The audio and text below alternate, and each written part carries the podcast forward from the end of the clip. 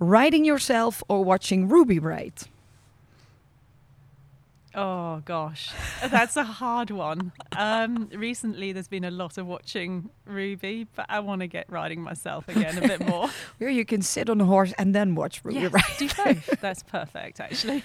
Chokotoff or ice cream? A Chokotoff. Buying or selling horses? Oh, buying's way more fun. Voltige or dressage? Um, I love watching the vaulting, um, but the dressage is a passion. Cool. Let's get started. We could be here. Leuk dat je luistert naar Horse Heroes. De podcast waarin Floor Schoenmakers van EHS Communications in een persoonlijk gesprek gaat met een hypische ondernemer. Elke week kun je luisteren naar interviews met één of meerdere gasten. Of meeluisteren naar de belevenissen tijdens hypische evenementen in de Horse Heroes Specials. We gaan beginnen. She started riding at 10 years old at a local riding school in Belgium and got her first pony when she moved back to England. She had an unexpected breakthrough when she won the talent spotting finals in 1991, which proved her passion for dressage. Many horses followed. In 1998, she set up the famous shop Classic Dressage together with Julia Hornig. She's married to another great dressage icon, Gareth Hughes, and together they are the parents of the very talented Ruby. The three of them are a real horsey family, and I know them for years. Today, I meet them again in Weert at the Equine Elite auction, and it's nobody less than actually my friend Rebecca and her daughter Ruby. Welcome uh, in the podcast, Rebecca. Thank you. Thank you for having us. And of course, Ruby is sitting next to her. Nice that you're here. I'm nice uh, to see you again. It's, uh, I've, of course, I've seen you in between, but Yes. but we're at the auction eh, now this Yeah. time. It's been three years. I know. Very anticipated Yes, uh, the whole event. yes, and finally back again, and it feels a bit like a big reunion, seeing Yeah. everyone again. yeah, it's really nice to see everyone. I think everyone's really excited. Yes, and it's been uh, you are, I know you for Ever. forever. yeah, we go back. go back a long way, aren't we? Yes, I think um, I think since I know Craig. I think it's been, oh gosh, it's To- been 30 years. Yes, probably. It's been 30 years. I was 20 when I met Craig and you, and I've just turned 50. So yes, yeah, and we had so a it big is- party over yeah. here, of course, as well. so it is 30 years. Mm-mm. We don't look that old. huh? Of course And we still don't we feel don't like that. but good. Now, what is so funny because um, I think uh, two years ago, a year ago, no, two years ago, around um, this time. No, actually, it was December, but the, the end of the year, I came to England to do was the. it before lockdown, during, lo- you know, or I just maybe after? Mm, Maybe I don't Yeah, know. I think maybe it was during uh, the Yeah, COVID time. I came yeah, to England to do the. UK tour for some uh, interviews Yeah. with Carl Hester yeah. and Kyra Kyrklund and uh, Dane, Shane Yeah. Breen, and of course your husband. Yeah. We were sitting in your house at Christmas time. Yeah, it was lovely actually. Yeah, that was a fun time. And now we're sitting here in Holland. A little bit cold. A little bit cold. no, we'll be fine. But Rebecca, what we um, always do, go way back in time. And um, My memory's not that good, I think. yeah, but it's, it's just fun because we know each other for such a long time. But I actually also don't know how your horse career really started. Yeah. So can you tell me uh, where you grew up and how? So I was born in North Yorkshire, and when I was six months old, my family moved to Belgium. And um, I was actually brought up in a French-speaking school, so my first language is actually French, which a lot of people don't actually know. I didn't Um, and um, my mum used to go to a riding school, a local riding school in Rosières. Um, it was the Ferme des Princes, and she had weekly riding lessons. And I just was always obsessed with horses. I don't know why, but I'd just be looking out for horses everywhere in fields or in cars driving past. I just loved horses and was obsessed from four years old with just wanted to be near them. So when um, my mum used to go for riding lessons, I should just sit there and watch. And in Belgium, you weren't allowed to ride till you were 10 years old. So I had to wait till my 10th birthday.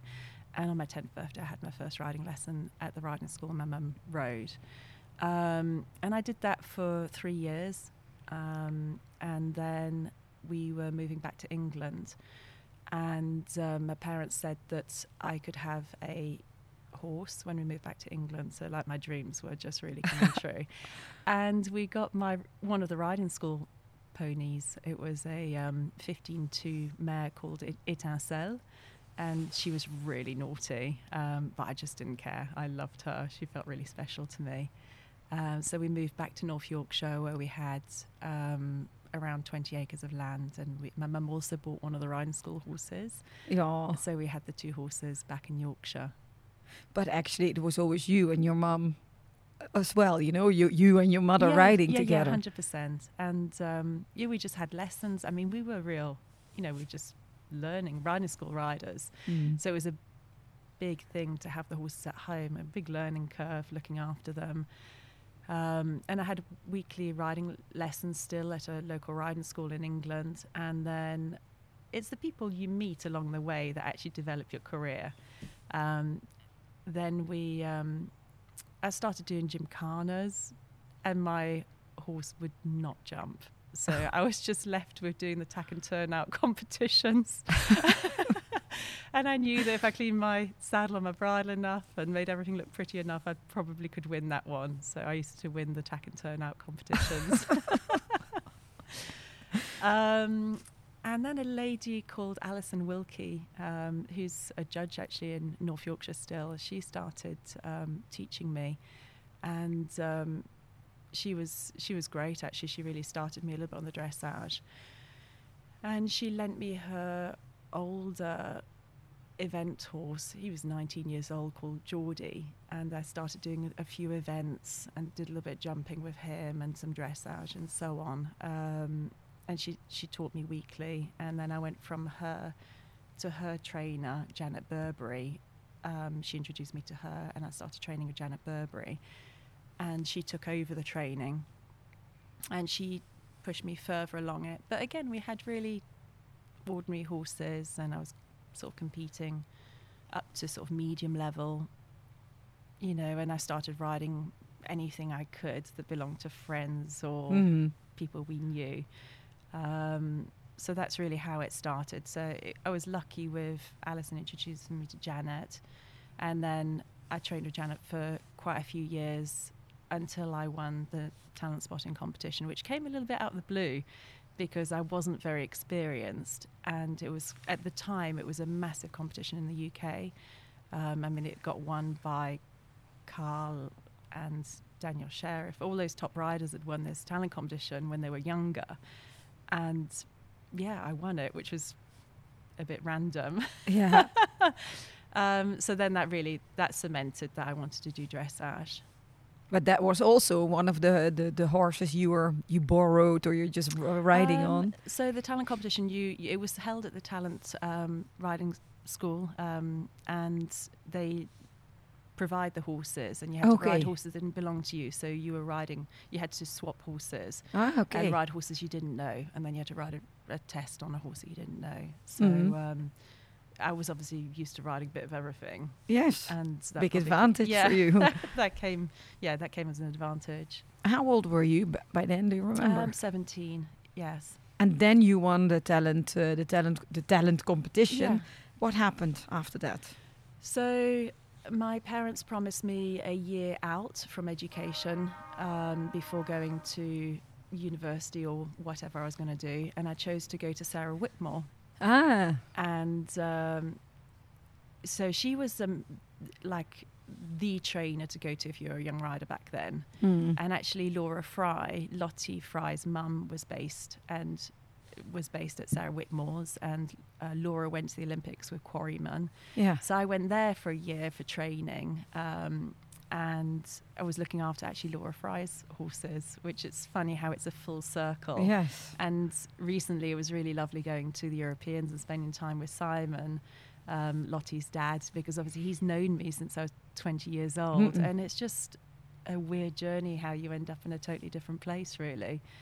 Um, uh, that's the beauty of getting older, isn't it? Yes. Yeah, but I mean, then you he met you so young Yeah. uh, tr- in the beginning of your career, and then you're at the European Championships, and also Ruby's there, Yeah, of course. yeah, so it's yeah. yeah. really that's a nice story. But then, Um, okay, so you went there. So yeah, and I had um, a Cleveland Bay cross thoroughbred. Oh no. Who was? I mean, I really rode everything, and he belonged to our local farrier, and um, I trained him to small tour level. Cleveland And, yeah, I know. And um, so yes, I was there training with Sarah, and um, sort of rode the horses there, looked after all the horses. So it was brilliant.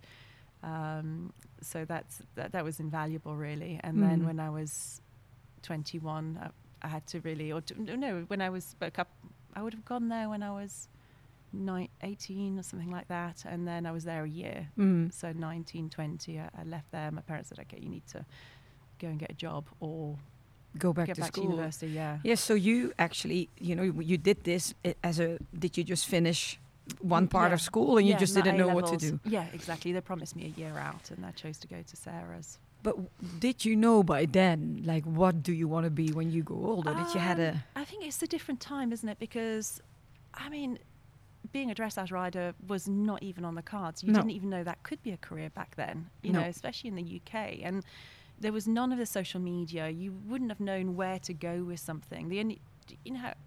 Back then, I wrote a letter to Sarah asking if I could go as a working pupil. That's how it worked. Mm. So you didn't know, you didn't have access to the rest of the world or what you could do. It was a very small world.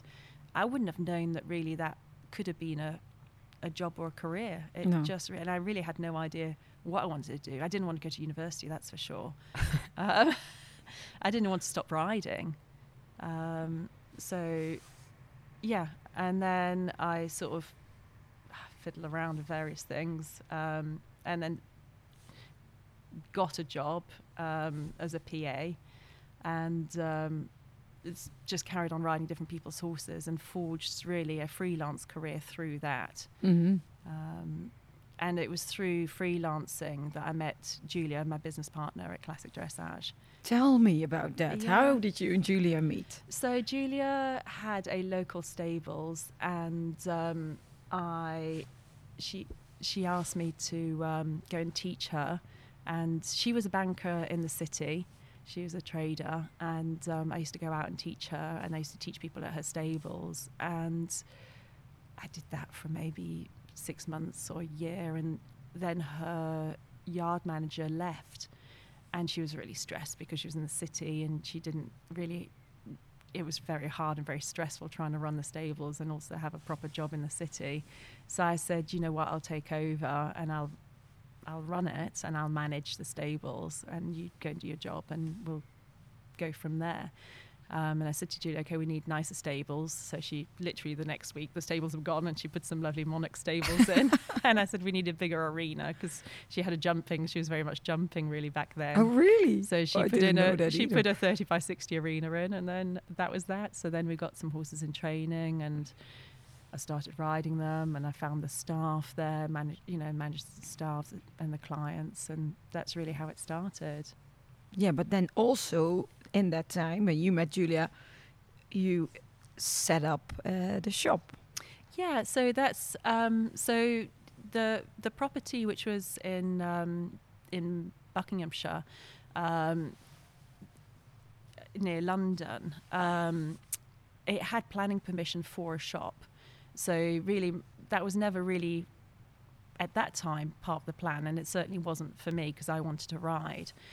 Um, so very much I was focused on teaching from there and riding and managing the stables. But the the, the property did have planning permission for the shop. And then I started teaching an event rider, a four-star event rider, Isabel, and she um, she was working at a local tack shop, and through conversation she was saying, "Oh, I'm not sure if I want to stay there or not." And I said, I was teaching. I said, "Listen, I'll ride the horses, but I think you should come and run, open up Classic Dressage, the shop, because it's got planning. So you should set this up, and this is what we should do." So I put her on the phone to Julia, and in whilst I rode the horse, th- you know, the deal was done, and she was going to manage the shop. And six weeks later, Classic Dressage, the shop was open. Yes. But actually, I think a lot of people think that I'm involved in the, the retail side of it, and I'm not. You know, like for me, the focus is really on the riding. Julia's very much the shop side with the retail, and that's her part. I mean, I love being involved when it comes to choosing the collection of clothes Yeah, and yes, stuff. yes. You know, I do the fun stuff, um, but there's not enough time to be involved in that side of the business. And Julia's amazing with that. Mm.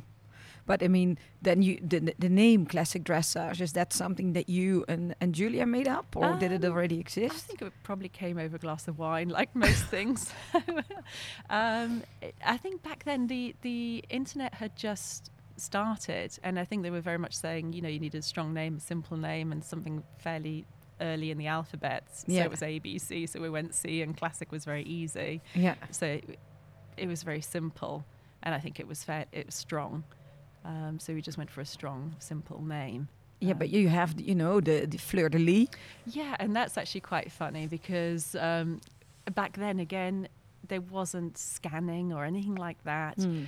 Um, there was fax. People faxed each Yes. other, and we needed logo. And we we started when we come up with an idea, we sort of move on it quite quickly. So it's a little bit fast forward when we did the shop. It was like, okay, we're going to start a shop. Six weeks later, it was open. But actually, when I met Julia and we decided to start the yard, li- literally the stables were ripped down. and The, the diggers were in for the arena very very quickly. And the advert was in looking, f- you know, advertising the stables, and we needed a logo. And the logo was actually a bit of wallpaper with a fleur de lis on it that I faxed through because we needed a logo. really? And there's no digital design. I was thinking, well, yeah, that'll do. It was a bit of wallpaper, slapped it through, and put a C and a D on it, and there you go. oh, how so funny. Some, sometimes the more simple, the better, I think. yeah, and then also, because I also wonder, you have a thing with purple, you and Julia. Yeah, we just like purple. Both of you. Yeah. Because that's, of course, the, the color Yeah. of the brand Yeah, and yeah, uh, around yeah, yeah. classic dressage. Okay, but um, the um, I'm hearing uh, the noise outside because Yeah. we're sitting at the auction, so of course people are working. Lots of hoovering and Hoovering and- and, yeah, that's what we blowing. hear. I think they're blowing the yard now by the sounds of things. They're blowing something outside, but we'll see if it keep continues. Then uh, maybe we press the yeah. the break button. Um, but you met Julia. You started the shop. You were still riding. Where? Oh, oh no! I'm curious because you just said we know each other uh, Yeah. 30 years. Yeah, yeah. How did you uh, came to Holland? What, how ha- what happened Through there? Sarah Whitmore, actually, again. Ah. So um, I had decided, well, I managed to get myself enough money together to buy a horse, a dressage horse, and she was like, "We've got to go to Holland." I mean, that was like really exciting. I mean, it it just was a big thing in those days. People Yeah. just didn't get on planes and do all those things. So I went with Sarah, and she introduced me to Craig, and um, yeah, we got um, a, a horse. Um, and it just was Craig from the beginning was massively supportive. Um, and I know that even when I was with the horse, KB then came over and helped me with the horse. There was a lot of support after I bought the horse. Mm. Um, so that worked really well. And then I, ha- I then found uh, people came to me and wanting horses. So then I introduced them to Craig, and it sort of grew from there really. So you started actually being a rider, training the horses, competing, I guess, as well at the Yeah, time. And I think that the, when it when it's when you start out, at the end of the day, people come to you for business because you know you're riding and schooling and you can do a nice job, and you'll ride anything. And that, Yeah. that's how I started. Really, I'd ride anything, and if you can make the horse feel better and look better, then you know you create a business. Yeah, but was it for you your ambition more to to be uh, uh, uh, yeah uh, somebody who trains horses to sell them again, or to Um, r- train them and compete? I think the competing has always been the attractive bit for me. Mhm. um, and the the selling is something that's come along and facilitated the competing. yes. But tell me about uh, your competing um career. Do you remember the first Oh, times gosh, when? um, well, I started with the gymkhanas, Yes, yes. not jumping, um, and then with the um, yeah, it was really competing at an ordinary level, normal horses. I think I was 28 years old when I rode at the national championships the first time, and I think that's what's unusual this day. Everyone starts so much younger and has Mm. access to everything much younger because it's out there and everything's at your fingertips. If you want to do something, you have access to be able to do it. Um, so it, it, very much like Gareth, actually, he started much later on, you know, and I think a lot of people, if they haven't achieved something in their early 20s, they feel they're failing. Mm-mm. But I rode a four-year-old, an absolutely crazy four-year-old, because again, not really many people wanted to ride that four-year-old, and that's how I got to national championships doing the young horse classes. Um, and I did quite a few young horse classes. That's how I started, you know, doing those and sort of forged again riding young horses.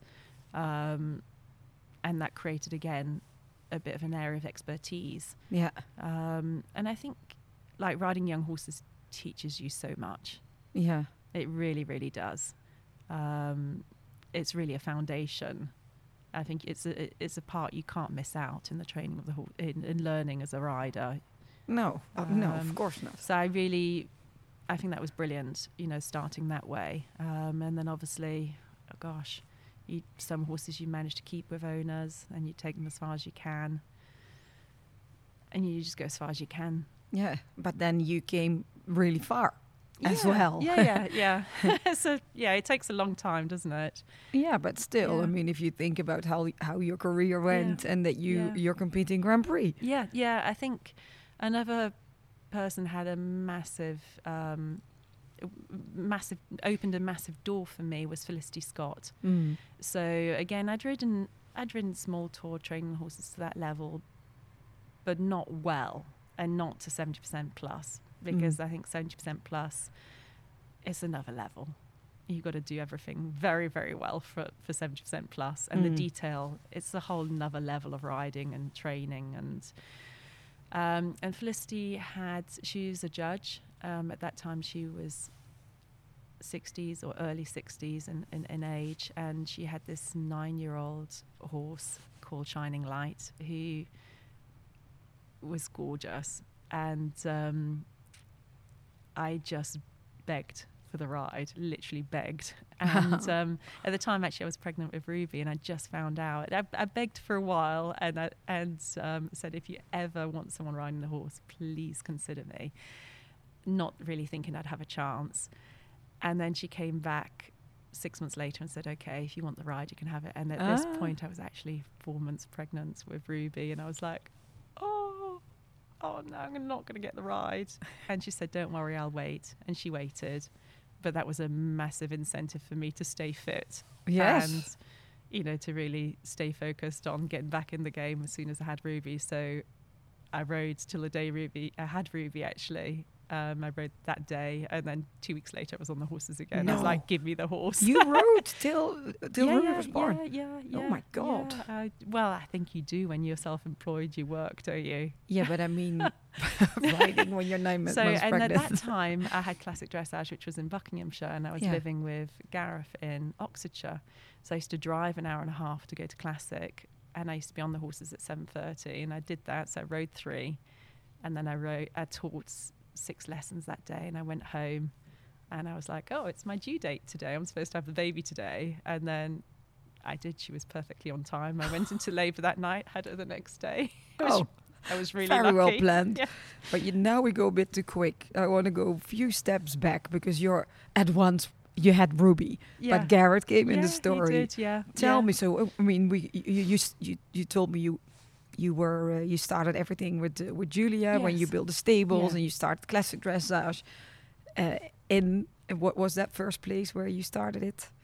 Um, where I met Gareth. I no, met- no, no. but oh, With Julia, where you yes. started. Uh, yeah, very much started with Julia. No, but I mean, in what place was it? You, where In- were in- you? So this was near London. Yeah. So it was in a place called Whelpley Hill near London in Buckinghamshire, and I lived ten minutes from the stables. Yes, that's Yeah. where it all Yeah, started. that's where it all started. And um, I'm just trying to think. I must have been in business maybe eight years with Julia before I actually even met Gareth. mm. Um, and I met Gareth at a British dressage ball in oh, London. how romantic! You oh, know- he told me that. He told me that. Now I want to hear your Yeah, version. He told me in his podcast. You're never going to think you're going to meet someone at a British dressage ball. no. And um, yeah, I actually didn't speak to him that evening. He kept walking past the table, and I was there with Julia. He was staring at you, winking. Uh-uh, you didn't notice. And um, yeah, I was there with Julia and some very good friends. And um, the next day, he actually he texted. So again, texting was a fairly new thing. And um, he texted and said, "Is this Rebecca's phone?" And I said, and I thought it was business because he's a rider. Yeah. So I was on my way to a judges convention, and um, I actually called because I, I was like, I'm not going to text. So I called and said, "Hi, it's Rebecca. You know, can I help you?" so I think I really embarrassed him, and he was really sweet. He just said, "Oh, I was just going to say you look beautiful last night." Oh, so sweet. So I said, "Oh, thank you. Okay, bye." Oh, really? And then he texted back and he said, "I'm really sorry if I embarrassed you," and so on. So then there was, you know, a little bit of messaging backwards and forwards, and he was very charming. Yeah, he says he's shy. I don't. I don't think he can be shy and just text someone like that. Oh yeah, I think he's shy, but he just wanted something. so clever that he did that. Um, so that then that moved quite quickly. I think when you meet someone you're meant to be with, it moves very quickly. Yeah. So he actually, um, it was really hard because at the time he lived in Cheshire, which was three hours away, Hmm. and that's hard when you want to make something work. Yeah. Um, so we were both really busy with work, you know, trying to work every day and teaching and riding and so on. So it was really hard to try and schedule when we would actually meet each other. And it was in February. We met end of January, I think was when the ball, and then, so the following weekend, beginning of February, um, he was supposed to do a clinic and it got cancelled because of snow. So Yeah. he then came down to visit, and um, yeah, we just got on really well. And yeah, it was actually he just came and stayed. and He was going to cook me a meal, but I had no food, so we went to the supermarket. That's one of the first things we did was go to supermarkets. so we had food in the house. Date in the supermarket. yeah, very practical. How how old were you by then? I was um, 30 when I met him. Yeah, Oh, sweet. yeah, But then, okay, you were in the supermarket. He spent the weekend, yeah. And, and you lived three hours away from each yeah, other. So then we just made it work. A lot of driving, um, and actually, I had. This is actually I had a horse called Slash. Oh, really? Yeah. I don't remember him. you do oh, know yeah, Slash. Of course, I know Slash. who actually was an important part of the early, uh, you know, the early romance with Gareth as well. So he had a part in it all as well, which is lovely. Um, so um, from Craig, I bought um, Sandman. It was his competition name. He was called Slash. That's and you know what the stable name was? Slash. Shithead. Yes. he was quite special. he that was very special. Little Jazz. Um, but that weekend he came to visit. I was like, I need to ride my horse because if I don't ride him, he's crazy. So it was a really ordinary weekend where he came down. I had to ride the horse, and we went to the supermarket. so that that was our first. You know, it's date. actually funny when you're talking about Slash because in that time, I don't remember how long ago that is, but then I was still working here in the Yeah. stable. Yeah. So yeah. uh, of course I know Slash Yeah. quite well Yeah. because I. I worked with him here Yeah. when he was in. Holland before you bought him, but he was really really oh, cool. I fell in love with that horse. yeah, sure. I mean, I came on one of the trips and I saw him, and I, I literally had to have him. Yeah. And um, Craig was brilliant actually because I didn't have the money at the time. I was like, I have to have that horse. I don't have the money, and I think I um, I went home and sold what I could. to, oh, buy to buy him. him. yeah, I sold my advanced horse um, and sold a few things to try and to try and buy him, and um, he was, oh gosh, quite a force of character. That Yes, horse. he was. Yeah. Um, he had a massive ego, but I just loved him, loved him, um, and started riding him. And when I met Gareth, I, I had to ride the horse every day. Um, so he, we he helped me a little bit from the ground with him. He was, like I said, he was a bit of a handful. And then when we started dating, it took me four months to persuade Gareth to have a sit on him. Hmm. And then when he sat on him, he said, "Okay, I'll carry on riding him." And then that was that. He started riding, Yeah, riding slash. and quite uh, successfully. Yeah. so really, just that first we met in in February, and that September he won the novice national championships on slash when he, slash was five years old. Yeah, and then he became really Gareth's first really successful international Grand Prix horse. yeah, So it was. It just it was lovely because it was so Meant exciting as as well. well. You know, yeah, really exciting. yeah, for sure. Um, yeah, so and he's still in the field. He's retired, um, and he he won international Grand Prix of Gareth. I think he won Compiègne, and he was longlisted for London Yeah. or shortlisted for London. Yeah, had a lot of success on him. But then, actually, if you're telling this whole story, a lot of things you did all turned out very successful.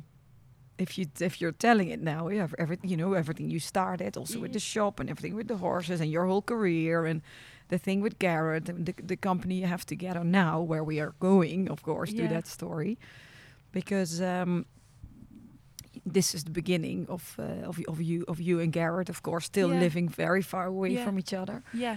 When did you uh, move? So Gareth had an owner called Anne Newton, and she bought a property for Gareth to be based on in Oxfordshire called Mm-mm. Paradise Farm. So that was in the Cotswolds. Um, so Gareth moved there, and he set up a yard called Aspen Grove Dressage over Anne. Yeah. And I carried on commuting. I lived in, in Buckinghamshire, close to classic dressage, and commuted the hour and a half. And I did that for ten years, and it was it was really hard actually. A lot of driving, and I ran classic dressage that stables, and really I came and Gareth set up really with Anne the stables there. Um, so it was very separate, um, and really after ten years, it just became a little bit a bit much. And actually, in that in, at the end of the ten after 10 years but when eight years in we managed to buy our own property gareth and i and we bought it really as an investment um, we just bought it and we thought we'll leave it there and if we need it Then we can always go. then we can always go. Mm-mm. and with the property um, i just thought actually the best thing to do is to apply for planning permission just in case and actually it's going to add value to the house anyway. So we went for planning permission and we got it straight away. So it was like oh okay. You know so we parked that just in case we needed it.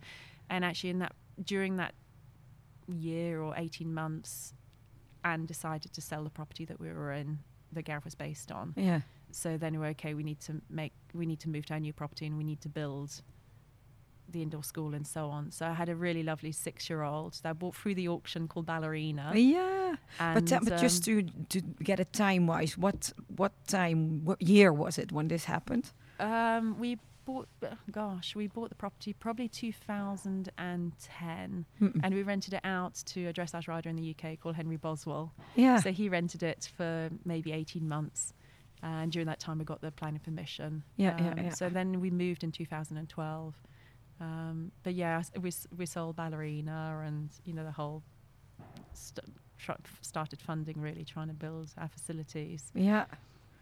And then um, in this time, mm-hmm. you Ruby was born already, or were you? so I obviously got married to Gareth yes. so a, a few years in uh, well i think it was yeah three years into from start meeting him got married and um, Gareth very much wanted children and um, yeah i mean f- I think for a lot of equestrian women, it's you're not particularly maternal, but I was like, okay, I'll go with it. You know, he's going to be a great dad. And um, I found myself pregnant pretty much straight away after getting married, which is a little bit of a shock. It was a bit sooner than I thought it would happen.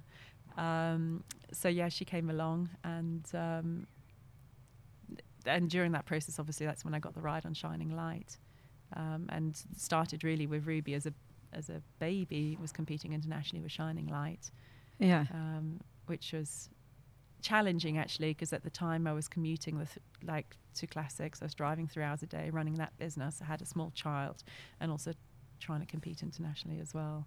But at what I remember from that time, also remember when you were pregnant that we were all like, "Oh my God, Rebecca is pregnant," which was fun. Yeah, And then, Yeah, I was- I was at the auction when I was eight months pregnant. yeah. Yeah, But she was with you always when you were with the horses and competing, right? you Yeah, took yeah. her Yeah, yeah, everywhere. Yeah, it's So- the easiest way. Yeah, but Yeah. then there's a, a, a mother and a father both Yeah. into dressage and riding and horses, creating this uh, talented little uh, creature sitting next to you. Not so little anymore. No, she's not so little. She's taller than Uh, me let now. me talk to Ruby for um, for a minute. I want to ask her something. you turn the microphone. well, hello. Hi. Hello. Oh, now I heard the whole story till you came yes, I around. know. it's a long one. it's a long one, but then you have, um, of course, a mom and a dad who are both competing, riding, training, everything at the highest level. yeah, I mean, you could literally quite literally say I was born into dressage. I mean, my mum was riding till the day I was born. Yes. It's insane. But I mean, I couldn't be more grateful to my parents. I mean, everything I've done is thanks to them. And also, of course, Julia, who owns Classic Dressage. I mean, she owned, like, half owns Classic Gold Strike with us, who I took to the Europeans this year. And of course, without her, that would have never happened. I never would have got my bronze medal. I mean, just all down to those three. I mean, I really, really owe everything to them. Oh, that's so cool that you say that straight away. but Ruby, if I, if I know you since you were a baby, I've seen you very, very tiny little girl, always with your mom and dad Yeah, at yeah. all the shows everywhere you went. What is your first memory of the horses? Oh goodness, I actually I mean I can very very slightly remember Paradise Farm. I remember my mum when she used to go down to Buckinghamshire to ride. There was like a little yard just down the road, and I used to ride some Shetlands down there um, on the yard nearby. And then I remember when we moved to Bishop's Bridge Farm, where we're based now, I got my first pony Bramble. I mean, I literally, she wouldn't canter. So I remember my dad had me on the lead rein. He'd be like, no, we're just going to trot. We're, not, we're just going to trot. He'd turn on the long side and absolutely leg it, trying to get this pony to canter. And she just wouldn't. I'd just be bobbling up and down, trying to. But honestly, so I just remember her. Um, was a very sweet pony. I, of course, started my career, and then I moved up through my ponies. I got my first pony, Roddy, who I started to do. I mean, I'd just be cantering around, causing carnage while my dad's trying to teach. I'd do a bit jumping. Though when I was younger, I was absolutely terrified of jumping. I hated it. I mean, I used to go to pony club, and I'd be kept with all the younger kids because I was too scared. I'd be crying because I just Didn't want I to jump. hated jumping. I can just about do it now. Um, I'm actually the one who gets told to jump all the dressage horses, which is quite fun but slightly scary sometimes. But then, of course, I went up through getting all my different ponies, and actually, my dressage career only properly started in 2020 when my, a very close friend of my mum's called Nancy Scott. Um, we brought him, of course, here in Holland from the Equine Elite, uh, which is crazy. I mean, all our horses are from the Equine Elite, and they are the most incredible horses. Um, so Barry, also known as Classic BG, so we got him here in Holland, and thanks to Nancy, we were able to. Um, well, she purchased him for us, um, and he really, he really started my dressage career properly. He was absolutely insane, the most gorgeous boy ever, but he was so so naughty. I mean, he. You never really knew what type of horse you'd be getting on that day. His personalities, he'd be like 20 different horses in one. But he really taught me how to ride because I'd get on one day and he'd be nappy. I'd get on another and he'd be spooky. Um, so, of course, for 12 years old, that's quite a lot. I mean, my mum used to be absolutely terrified. But at the end of the day, I just had to get a grip and go for it. Um, and then, so I had him and I started doing some children horses, which is around elementary level, and started building up. We managed to get to juniors. Um, and now he's just retired in the field with Slash. Yes. Actually enjoying their time. He absolutely loves the field. Because a funny thing about him is he absolutely hates the stables. I think he gets quite claustrophobic. So even throughout his whole international career, he'd just be living out in the field, dead happy. We tried to build him a field shelter to help him stay a bit warm over winter, but he just wouldn't go in it. I he mean, wanted it took, to be outside. yeah, I mean, it took a year to be able to get him into it, and to this day, he can go in one way, he won't come out the other, and he only reverses out. He's just in his brain; it's not quite clicked that he can just turn around and come out again. but he, he is a very odd horse, but I absolutely adored him. He's the sweetest boy ever, and even though he could be quite naughty, he had the biggest, biggest heart a horse can have. Um, around that time, um, a lady called Shirley Rickson. She had a pony which got introduced to me by Judy Harvey. I went there for a test riding. Um, just to get a bit of training in, of course, because I mean, I was soaking up any training I could get at that time because I was absolutely obsessed with the dressage. Um, and actually, Judy introduced us to Shirley as she was looking to sell the pony, but she only had an adult rider. And of course, lots of ponies is interested in Pony FEI. Um, so I got introduced. Lola was only seven. She she was very advanced for seven. So of course, um, the rider Jane Turney had been like introducing some of the movements to her. But I took her from competing quite weak novice up to Pony FEI level in the Europeans in one year. It was quite funny because actually my first international. Because I had no idea what was going on at this time. I didn't know what scores you needed to get for the Europeans. So I just went to my first international um, pony team test, rode to 71% and came second. I mean, we had no idea, and that actually qualified me for the Europeans. So we had no idea in one international what was going on. I just thought it was great. I got to do my first mounted prize giving. I mean, you literally couldn't take the smile off my face. I mean, my hand went to my mouth when I heard the score. I literally could have cried. I was so happy. Um, she was an amazing pony, complete Barbie pony as well. I mean, her tail it was disgusting. I mean, we had to put tights over her tail because she gets so much poo in it. It was absolutely disgusting. Um, but yeah, so she almost started my career. Well, my career. I mean, I've got a lot, a long, long time left. But she helped me learn how to train a pony as well. And then we went to the Pony Europeans that year. I was still competing Barry, and that was almost that started it all. Really, that But then you are what age?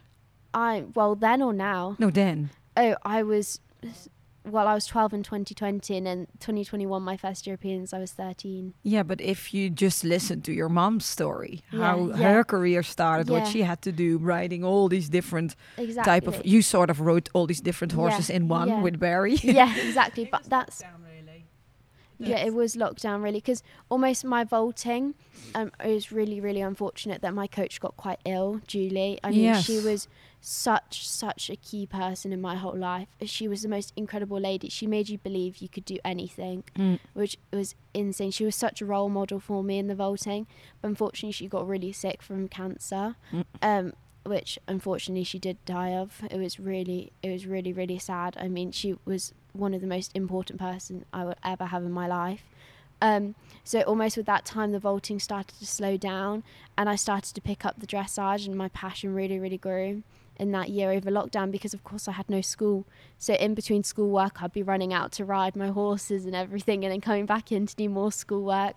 I mean, we'd had Zoom calls for lockdown for school, so I'd just be kind of sat to the side so you couldn't see my face in the camera. So I'd be eating my lunch and everything. Yes. So to be in the stu- But tell me a little bit. I, I want to know a little bit Yeah, yeah. more back, eh, because you said you. Um, um, you of course were born in dressage, Yeah, yeah. And you uh, were playing with the ponies in the beginning. But have you always been attracted to the horses, or is is it just really something you were born with, or is it because you see your parents doing it? There's this so much passion in the family. I mean, I literally was born into the dressage, but I couldn't love it anymore. I absolutely adore the horses. Mm. I mean, I'd happily go out and cuddle them for hours. I just love- Yeah, I that's so important. I love the like communication, and everything, like the connection to the horses when you're riding them through the dressage. It's proper harmony, yeah. which I absolutely love. And I couldn't imagine doing anything else. I actually, because my school friends at school, they have no idea what to do, and I just can't imagine that. Because all I've ever wanted to do since I was born was do the dressage Yeah. is literally my goal in life is to be like my mum and dad. Um, and that is actually really, if you think about it, so amazing that you have these role model models in Yeah, your yeah, parents. definitely. And I'm so lucky that actually, from my point where my parents, I mean, they were 30, 40 years old before they could really start the dressage. Though I've got such a head start that I can start at the facilities from only 12 years old. yes. and start my dressage career that much earlier. But because of them, because they've spent their whole lives building up and working to create this facility and their business and everything, and actually, I can take that on and, and use that from the age of 12, which I Mm-mm. mean, I couldn't be more grateful how, like, being able to do that because it's given me a massive head start. Sure. But if you if you look at your your mom and your dad, they're Yeah. different people and they're different way in riding and training and how Yeah, they yeah. ride the horses. So what is what do you take for your from your mom and what do you take from your dad that you want to do as well? Oh, I mean, my mum is incredible. I mean, she has managed to source all my horses, and I couldn't be more grateful. And I think the thing about my mum is that she never starts, gra- she never stops grafting. She keeps going for something, and then when she sees it, she goes for it. If she wants it, she definitely goes for it. And I really, really admire that. I mean, she works so hard, and I really take that away from that. Um, I do mostly train with my dad at home. Um, but of course, I want to be like, both like my mum and dad. With, I mean, my mum's trained so many horses, so has my dad. I really, I, I want to take everything from both of them, if that makes sense. Mm-mm, yeah, for sure, that makes Yeah. sense. But you also said uh, the, the vaulting part, eh? so Yeah. there, there was a time when you started the vaulting What what what what age were you when you started to do the vaulting? I must have been eight years old, yeah. Um, so, I mean, brilliant start. it was an incredible start because I almost was a little bit nervous as a rider Hmm. um, beforehand. And the vaulting, my mum was like, "You'll never ever be brave enough to do it," because I mean, you have to stand on horses and do cartwheels and stuff. But actually, somehow Julie made me believe anything is possible, and I went to competing at three star at. I mean, I went to the Europeans in 2019, only being I remember 11 that. years old. And where in Aken or Ermelo. Um, oh yeah, but I've seen you there. I've seen you with the vaulting uh, when we when we were when you were in Ermelo. Yeah, so there was the European Championship. Yes. Yeah, in yeah. 2019, which it was such a great. Um, Wait, because you have to speak in the mic. it's. Um, I mean, it was amazing for Ruby to get the experience competing at a European Championships without it being the dressage. Yes. I think. Yeah, but I know, so remember the also the whole the whole atmosphere in the group and Oh, how the brilliant. atmosphere was with the vaulting. Yeah. You know, the Yeah, fun, different. the audience, and, and, the child, yes, that's an, an amazing way to start. So it's For sure. because I think the dressage is so serious. yes, So from Gareth and my perspective, we, you know, we let Ruby really develop at her own time with the dressage. yeah, For us, it was more important that she had fun with the vaulting and learnt that, and she, the, the skills she was learning in the vaulting applied to the dressage anyway, with a teammanship, being a good competitor. Julie was, like Ruby said, an amazing uh, inspiration to her, and really guided her how to be a good competitor you know Yeah. to be tough and to take the disappointments and to be a good winner and a good loser she made fantastic friends there yeah. the team spirit is amazing and it's a lot of fun i think for the children that's a brilliant start and it was really good for ruby to learn not only the competing skills from that and l- competing under pressure but the balance it gives you and, s- Yeah, and for they sure. do a lot of conditioning you know that it's a lot of hard work you know with conditioning they have to do for the vaulting um, so she had to work hard with that but so body wise she was strong and supple and had natural balance on the horses, not looking for the reins to balance. And I think that's was a brilliant way to start for Ruby to ride without hanging on the front or focusing on the head and the mouth. You know, yeah, It- sure. she had to more learn how to ride to a contact because she's used to not having a contact. Mm-mm. Um, I even remember her here sometimes yeah. trying horses Yeah, uh, for yeah. vaulting uh, yes, yes, yes. I We actually remember got a vaulting horse from Yeah. Craig. as well. So he does do vaulting horses. he probably doesn't want to, people to know that.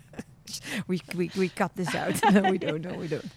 Okay, Ruby. Um, because now I heard uh, you and your mom talking about Julie Yes. uh, a couple of times. Can you tell me a little bit about her? What?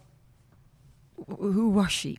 Um, well, she was she was my vaulting coach actually, who was also a massive grafter. She absolutely loved her horses. Um, I mean, she went to the back of like she started vaulting when it really wasn't a sport at all, Mm-mm. and I, she properly worked up through many many years with her son as a vaulter, and she collected all these little kids um, along the way and built them up into a vaulting team, and she. In that process, ma- managed to go to many, many championships. Her one dream was always to win a medal and unfortunately in her lifetime she didn't manage that. I mean she was so close she'd finally gotten the kids actually between me and my best friends um, millie and evie who's still devoting to this day um, and some other people along the way. She got her team which could get a medal and we were on our way though unfortunately it was just not quick enough Mm-mm. for her. So it was really my goal in the dressage to get that medal for her which i have got and I really wish she could have been here to see it. I know she's watching from up there, um, but yeah, it was my one goal for her. But I mean, she she is one of the most hardworking people I have ever met in my life. I mean, she moved to the yard and lived pretty much in her tack room just so she could make the vaulting work. She built up her vaulting um, facility. I mean, with horses. I mean, she was on her own at 60 years old with like sometimes like seven, six or seven horses, training them for the vaulting Mm-mm. and doing everything on her own. Um, with mucking out in the morning, turning the horses out, and I mean these horses, they're not the most easy to look after. I mean, a, a lot of care has to go into them because they're, I mean, world championship horses that she had. Um, so and then of course, after vaulting, we'd try and help her. But I mean, Julie would do the best for uh, like in the winter to make sure we went inside to keep warm while she stayed outside and did all the work. I mean, she was a really, truly incredible lady. And even through the hard times, she just she did keep grafting. I mean, I know there was a lot of times where it did get quite hard for her, and actually, even with um, her cancer, she did keep going till the end, keep tra- like training us, even if that meant she just sat on a chair in the corner with a blanket over her during the Mm. winter. I mean, she made sure to give us every opportunity we could ever have as well in the vaulting. That meant getting coaches over, literally anything, uh, buying us all, like trying to get us all the, like all the equipment we would need and stuff. I mean, she truly was the most giving lady as well. I mean, she did give us so many opportunities, um, opportunities to take on, Hmm. even if that meant she gave me so many skills for the dressage. Yeah. And then also my best friends, I mean, she gave them so many skills to take on to do vaulting in the future and for that to be their career. I mean, she was a lady with the biggest heart anyone could ever have. And if you knew, if you ever, ever had a problem, you knew you could go to her and she'd always be there to help and she'd always be there to listen. Yet she also knew when it was the right time to push us. Um, like to get the best out of us that we could. So in like hard times, she knew when she'd push us because we could get the movements that we needed and the skills that we needed. So she had the best balance of knowing when to push us and then also when to care for us. yeah. And we really needed to hold our hand. So So actually, from age eight till twelve, yeah, you've had, of course, the support of your parents. yeah, But I know as well that even if they are some of the best riders from England, yeah, that it's difficult because it's your parents, and Yeah, of course yeah. they're still you want to listen to them as trainers, but you also want to fight them as parents, not fight them, but you know you have. That's why my dad, when he trains me, he makes a massive point as when he's um, when he's training me, He's he's, my coach. He's a coach and, and not a dad. exactly, and then when he's not, he's my dad. Exactly. and he's like if and then if there's any points that we ever do have a bit of a little bit of an argument between us i mean we never have an argument no, but I know what you mean. It's Yes, just yeah, normal. little That's parents, the exactly. children. yeah then he goes and then he steps back and he's like if you want me to be your dad i'll be your dad but if you want me to be your coach i'm going to teach you like one of my students um, and that's a massive thing for me actually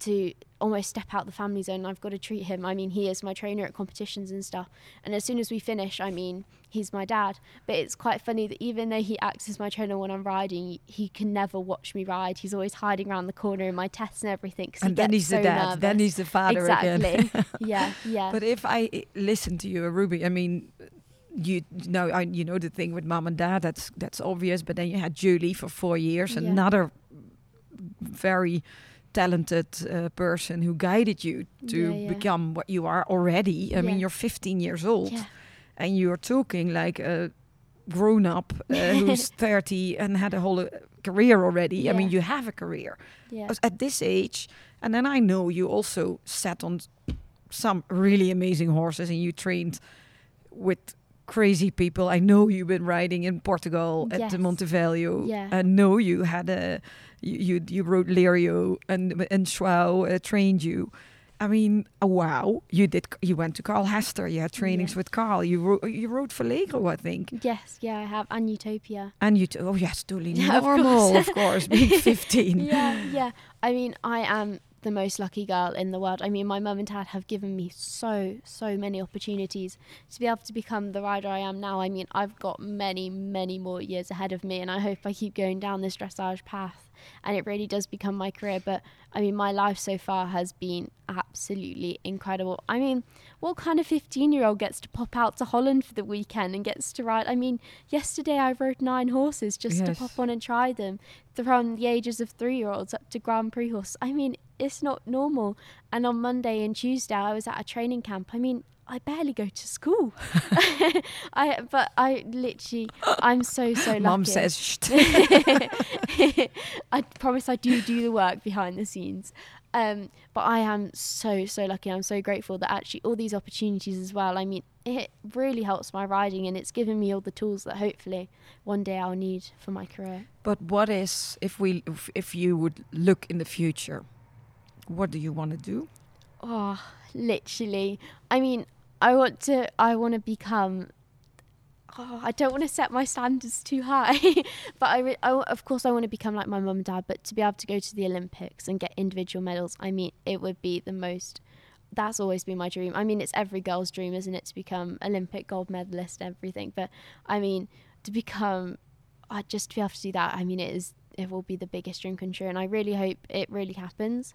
I'll work as hard as I can to try and make it come through. But I mean, horse is so unpredictable. You never know what's going to happen. I mean, one minute you can be doing everything and you can be at your highest, and then the next second it goes lame and you're at your lowest. I mean, you never know with the horses. So I just want to keep grafting and I want to keep working with the horses because it is my dream and I love it so much. And then wherever I end up, we'll see. You know what's funny? When it happened, when you win the gold medal one day, we rewind Yeah, this interview. exactly. and then they say, you know, one day on the 27th of October 2023, Ruby was Yeah. 15. That was a prediction. Yeah, Let's do that. Yeah. You go for that. I will. I'll work as hard as I can to make it happen. And I mean, I've got the most incredible people like my parents behind the scenes and everyone working to hopefully it will come true, but we'll see. Now I also wonder, who's your idol?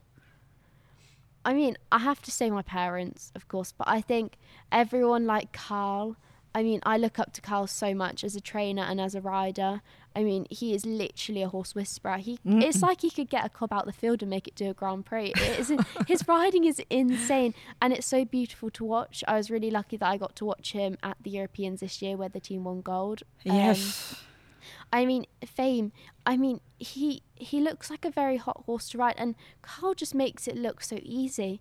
I mean, he cants down that centre line, and you don't feel like he's going to miss a movement or make a mistake. It looks so so easy, and I know I know, of course, it's not. But I mean, it looks so perfect as well. I mean, you couldn't take a mark off. I would have wanted to give the whole test tens. It was absolutely amazing to watch. Yeah, but And- the whole the whole England Oh, team yeah. is.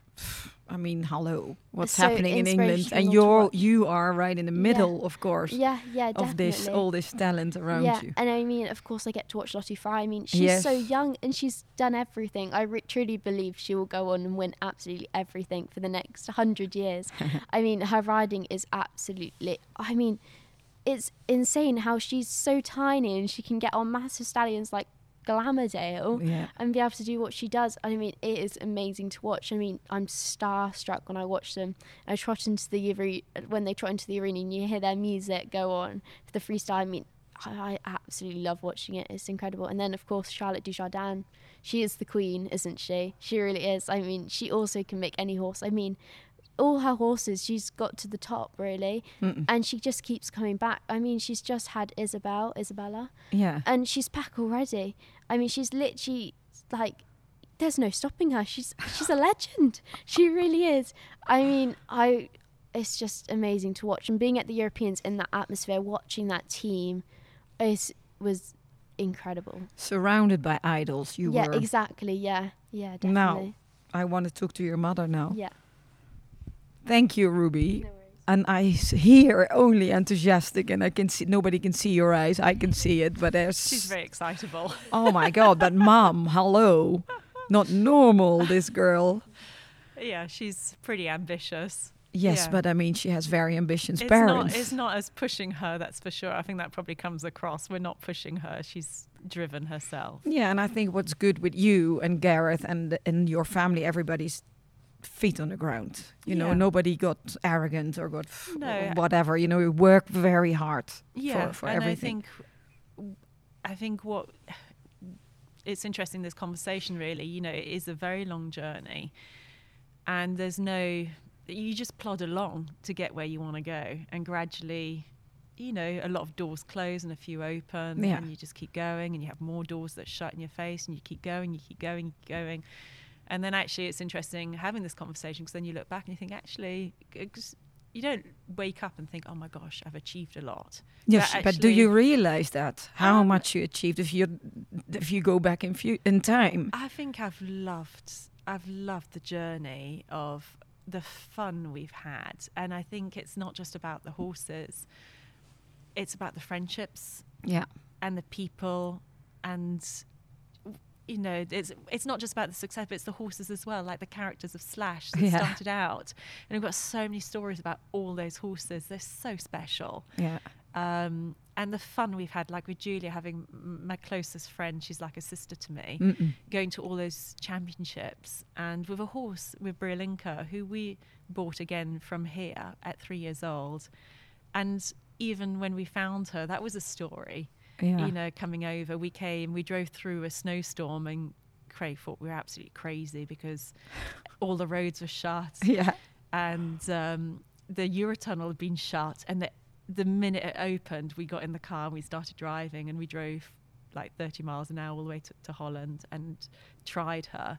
And um, drove back the next day. Like literally, we were here a few hours and just drove straight back. And um, I'll always remember driving through the snowstorm to go and try Briolinca. You went really literally to the storm to find yeah. the and I just fell in love with her. You know, that's Yeah. that's how I like finding the horses. It's when you can't, you think you can't, you got to have them. Mm-mm. It doesn't matter how. It doesn't matter what you got to sell to have. You have that feeling that I have to have that horse, and I definitely had that with Briolinca and, and Slash. Yeah.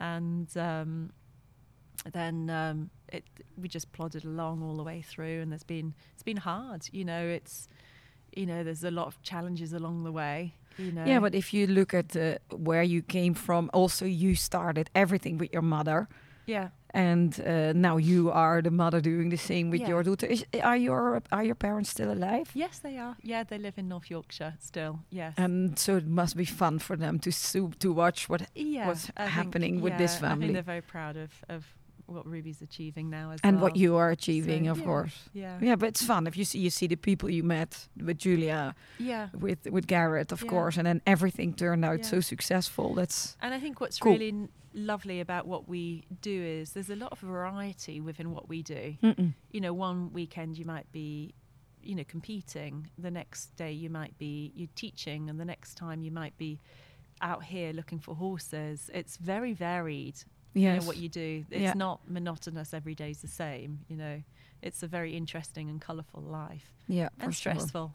and stressful. Very stressful. So now, if you think a little bit uh, further in future, what are uh, your plans? I mean, we know, of course, you will be the groom when she gets the gold medal. but before that happens, what is your Um, I plan? think it's been a busy couple of years, really. I think. Um, I mean, Ruby, obviously, when she was, you know, 13 at the European Pony Championships, I think she very much needed a, a mum there. And Yeah. you know, when they're that age, you need to do a lot for them because they can't arrange their timetable it No. themselves. They can't organise when they go for coaching. You've got to be there emotionally as well. I think. So I, I would say I've not had the time to really focus on myself as much as I'd like to. Um, so I would probably like to get back doing more for myself now that Ruby's 15 and can manage on her own. she can come and train. You will train Yeah. your mum. Well, I think on uh, I'm going to go out to show on next Friday, and Ruby's going to have to groom for me. Yes, so turn it, turn it, turn it around booked again. her in to groom for me next yeah, Friday. but that's so much fun to do that together. Yeah, And now, um, because we're on an hour or over Yeah, the hour gosh. already. Normally, I do uh, what's the favorite music and crazy questions, but I mean, there's, th- this story is too nice to to interrupt for that. Mm-hmm. but if they want to know uh, more about uh, you too, uh, or about the stable, d- where what do they follow? Where can they find you? Um, we've got a Facebook page, but I think probably more personally, I think our Instagram is probably more personal. So um, Gareth, myself, and Ruby, we've all got Instagram. Gareth's not so good on um, on putting posting his.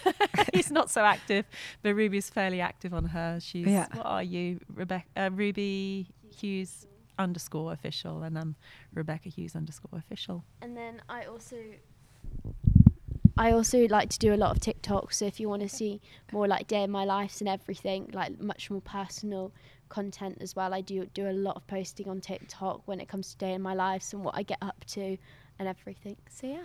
But the, that that's something I find interesting to know to almost end the interview because uh, your mom said like when she started the career there was no social media. You Yeah, had to yeah. write a letter and then maybe you you get somewhere. Yeah. For you, it's quite an important thing. Yeah, definitely. I mean, it's just building up. It's just almost building up my profile slightly Yeah. as a rider, which is really really nice. And also, I think it's nice that younger riders than me, um, almost have someone to look up to. Yeah. That makes sense, and almost believe that like and see the stage in between that if I do go far they can see the stage in between me and then also my parents if that makes sense Mm-mm. and they can almost see the process and be like anything is possible Yes. that makes sense Yeah, but also, I mean, if you look at uh, the video when you were in Portugal riding yeah Lirio, yeah that went completely viral. Yeah, millions yeah. and millions, I think, or uh, people watched that. Uh, yeah I mean, that, but that's also something that it makes you visible in the whole world. Yeah, so I mean yeah. that you, so many people already seen you now. That Yeah. works, I think, for the for the future career as well. yes definitely Well, girls, I want to thank you uh, so much for your time. And um, I hope you will have a lovely weekend. We will, of course. Are you uh, already in love again with one of the horses? Oh, in, in most of them. in love with most of the Oh, horses. to turn it my. In love with most of the horses. And you tried a lot and now today Yeah, I'm going to try and drag Ruby home because I think she wants to stay here. Yeah, it's possible. I have a spare room. You can stay in my house. Play with Lola. Help Lola. well, thank you so much again. Thank you for and having us. um, thank you so much and have fun this weekend. thank you and we'll see each other soon again. Thank you for listening. Until next time.